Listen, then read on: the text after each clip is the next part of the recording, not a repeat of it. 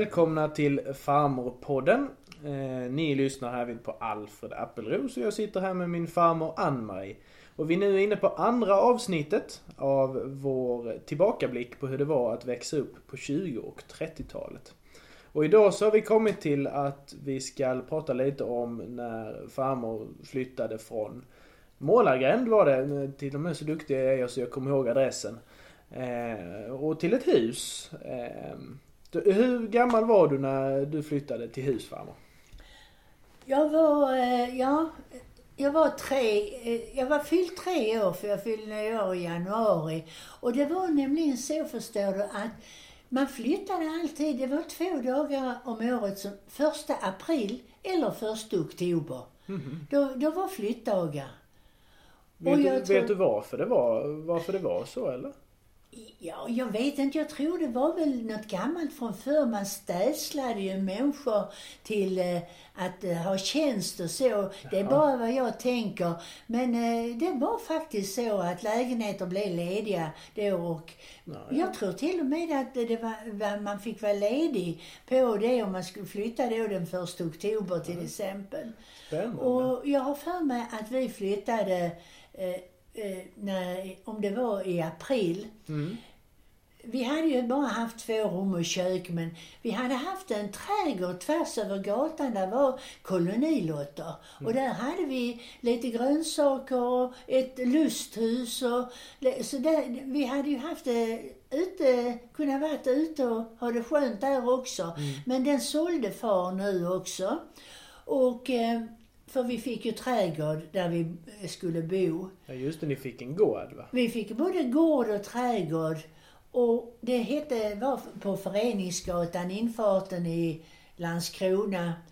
Eh, en gata som gick liksom tvärs igenom stan så det var ju mycket eh, med trafik utanför, inte så mycket bilar för det fanns det inte så många. Det var ju mer de som arbetade. Där kom brödbilen och där kom eh, lastbilar och så var det ju lite de rikaste människorna som hade en bil kanske. Men däremot så kom det ju mycket häst och vagn. Mm. Och på den gatan, där flyttade vi in i ett hus. Det var ju så att min far, han var skräddarmästare.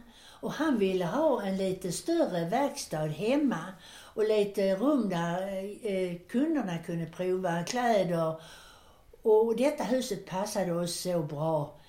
Och det var fyra rum och kök, ett litet kök och så var det uppe på andra våningen där vi hade far sin verkstad. Och eh, det var både rum för honom att sitta och sy och där var, som mina äldsta systrar hjälpte honom mm. i ett rum. Ja, då och, bodde ni ändå, ändå hyfsat trångt där. Ja, vi var, ja och vi började ju växa upp och ville vara lite för sig själv. Så inne på gården var ett rum som just när vi flyttade in var det en annan som hörde där men efterhand så fick mina äldre systrar två eh, stycken delade det rummet, de två mm. äldste. Och sedan efterhand som de eh, flyttade ut. flyttade ut och fick plats på andra håll eller gick i skola så kom nästa två och flyttade dit. Mm. Men eh, när vi flyttade ut där så har jag ett minne att de lastade rätt mycket i, som man sa nere i Landskrona, rullebör. Mm. Och, eller någon sorts dragkärra. Och då eh, för, för mig som inte känner till det där, vad, vad är rullebör? Ja, det är som en, eh, man för den framför sig. Och så är det utrymme där, där man kan lägga mycket och så ett hjul då fram, det har du säkert sett. Jaha, som en skottkärra? Ja, skottkärra är det ju ja. Ja, ja. ja. Men det var ju utav trä, hela eh, alltet med hjulet och eh, inne, alltså byggd utav trä. Och då minns jag att min bror Erik och jag, vi fick sitta och åka i den när vi hade tömt för vi gick fram och tillbaka mellan Målargränden och där eh, ut på Föreningsgatan, mina syskon och jag, med, med en massa småsaker som skulle flyttas. Mm. Och mm, jag minns att mor hon, hon tyckte det var så konstigt, för när jag kom fram där till Föreningsgatan så var det väl liksom lite vid solnedgången. Lägenheten vi hade haft innan, den låg inte så att vi såg så mycket sol. Mm. Men när jag gick fram och så kallade jag på mor. Så sa jag till, henne, mor kom ska du få se. Här i detta huset, här ser vi Gud. Och mor hon tyckte ju det var så kärt att jag sa det. Ja. Men det var ju solstrålarna, det gick precis ner. Som du vet man Ah. kan se ibland. Genom ett fönster så. Hon tyckte det var, hördes så kärt när jag var så glad för vi hade fått sol i huset. Och mor trivdes ju alltid så bra med, i det huset. Ja, och sedan då när vi kom till ro där, det, det, det var ju klart än, fortfarande lite trångt, det var det, för att köket var för litet för oss att äta. Utan det hade vi ett rum som vi kallar lilla matrummet. Jaha. Och där åt vi och ett stort bord som man kunde dra ut klaffar. Och då var jag liten och kommer ihåg jag fick hjälpa till att duka. Och då skulle jag gå runt bordet och lägga knivar och gafflar. Och då vet jag att jag, jag sa för mig själv så här Morfar, Svea, Ella, Lilly, Agnes. Och så precis visste var de skulle sitta. Vi hade våra givna platser. Ja.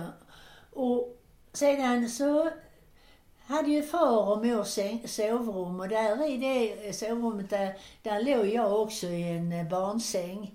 Vid sidan om de barnsäng till att börja med. Och sedan fick jag en lustig säng må du tro. Det var som en stol, en bred stol.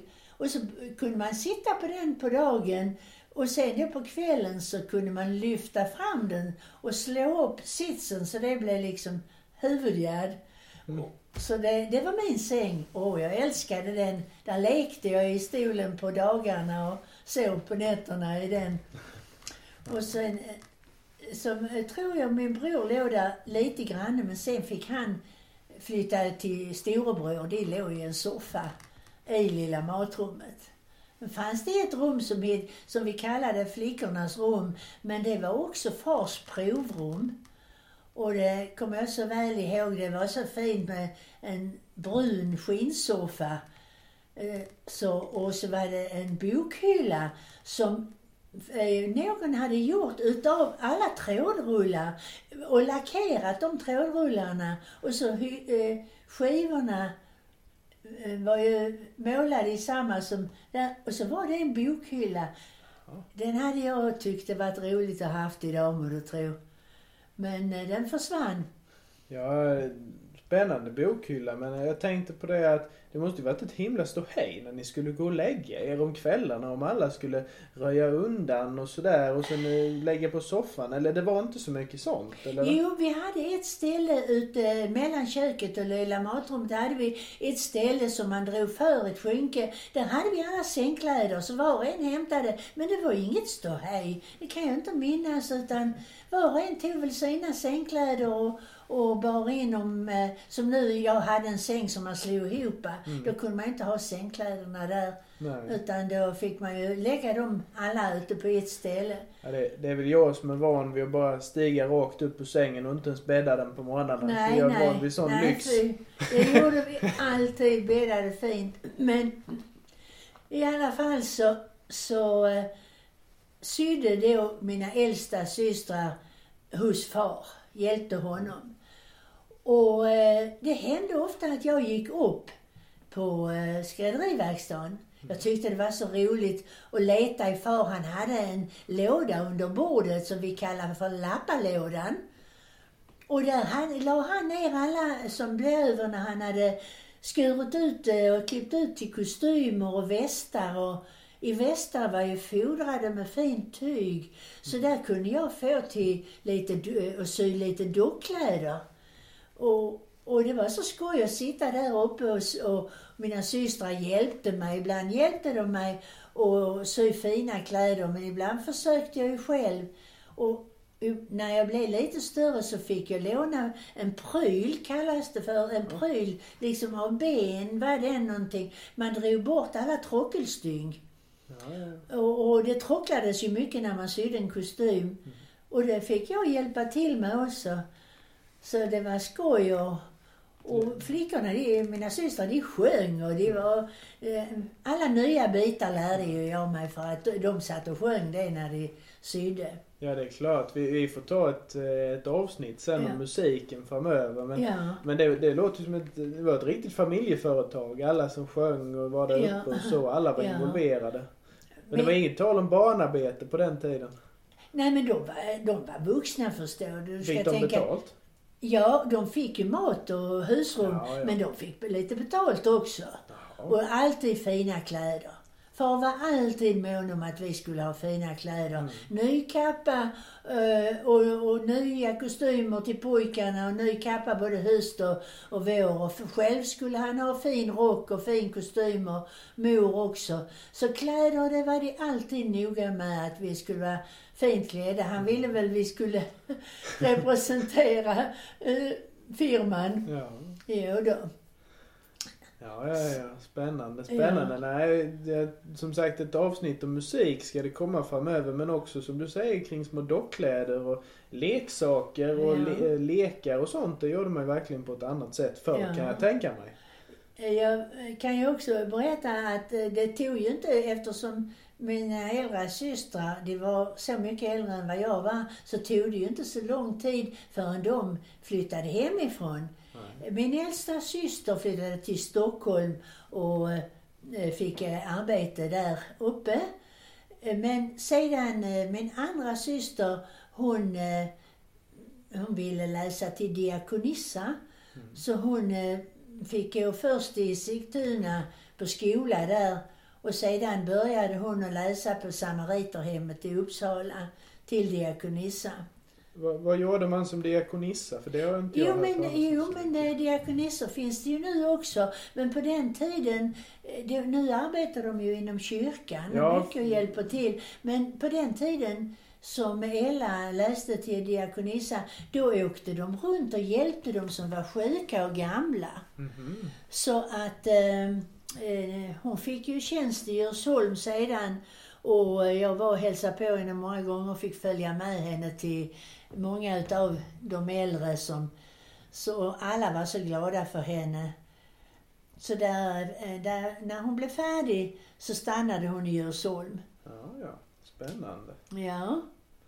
Ja, nej det... Men... ehm, Och ja. sen, sen då var det en syster, eh, hon eh, ville inte jobba med att sy. Utan hon fick eh, arbete i en, ja det var speceriaffär som vi sa.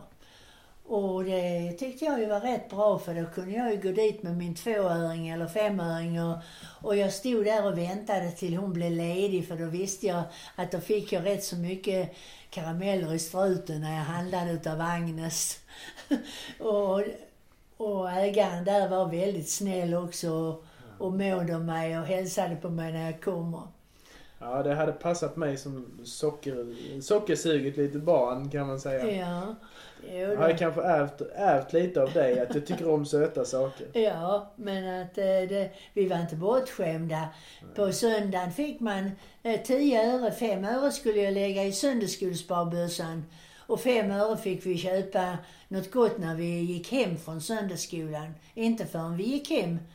Och då vet jag ibland så tryckte vi på en automat. Det fanns automater där man satte in godis i olika fack.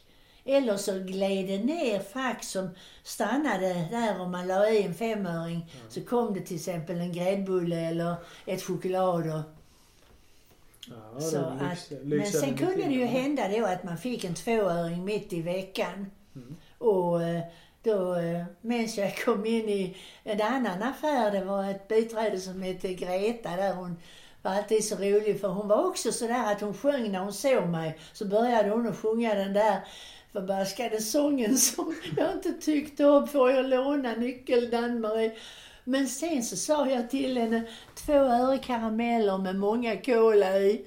Så jag, det, du- förstår då en strut. Mm. Och så begär jag många cola ibland karamellerna. Ja, ja, ja.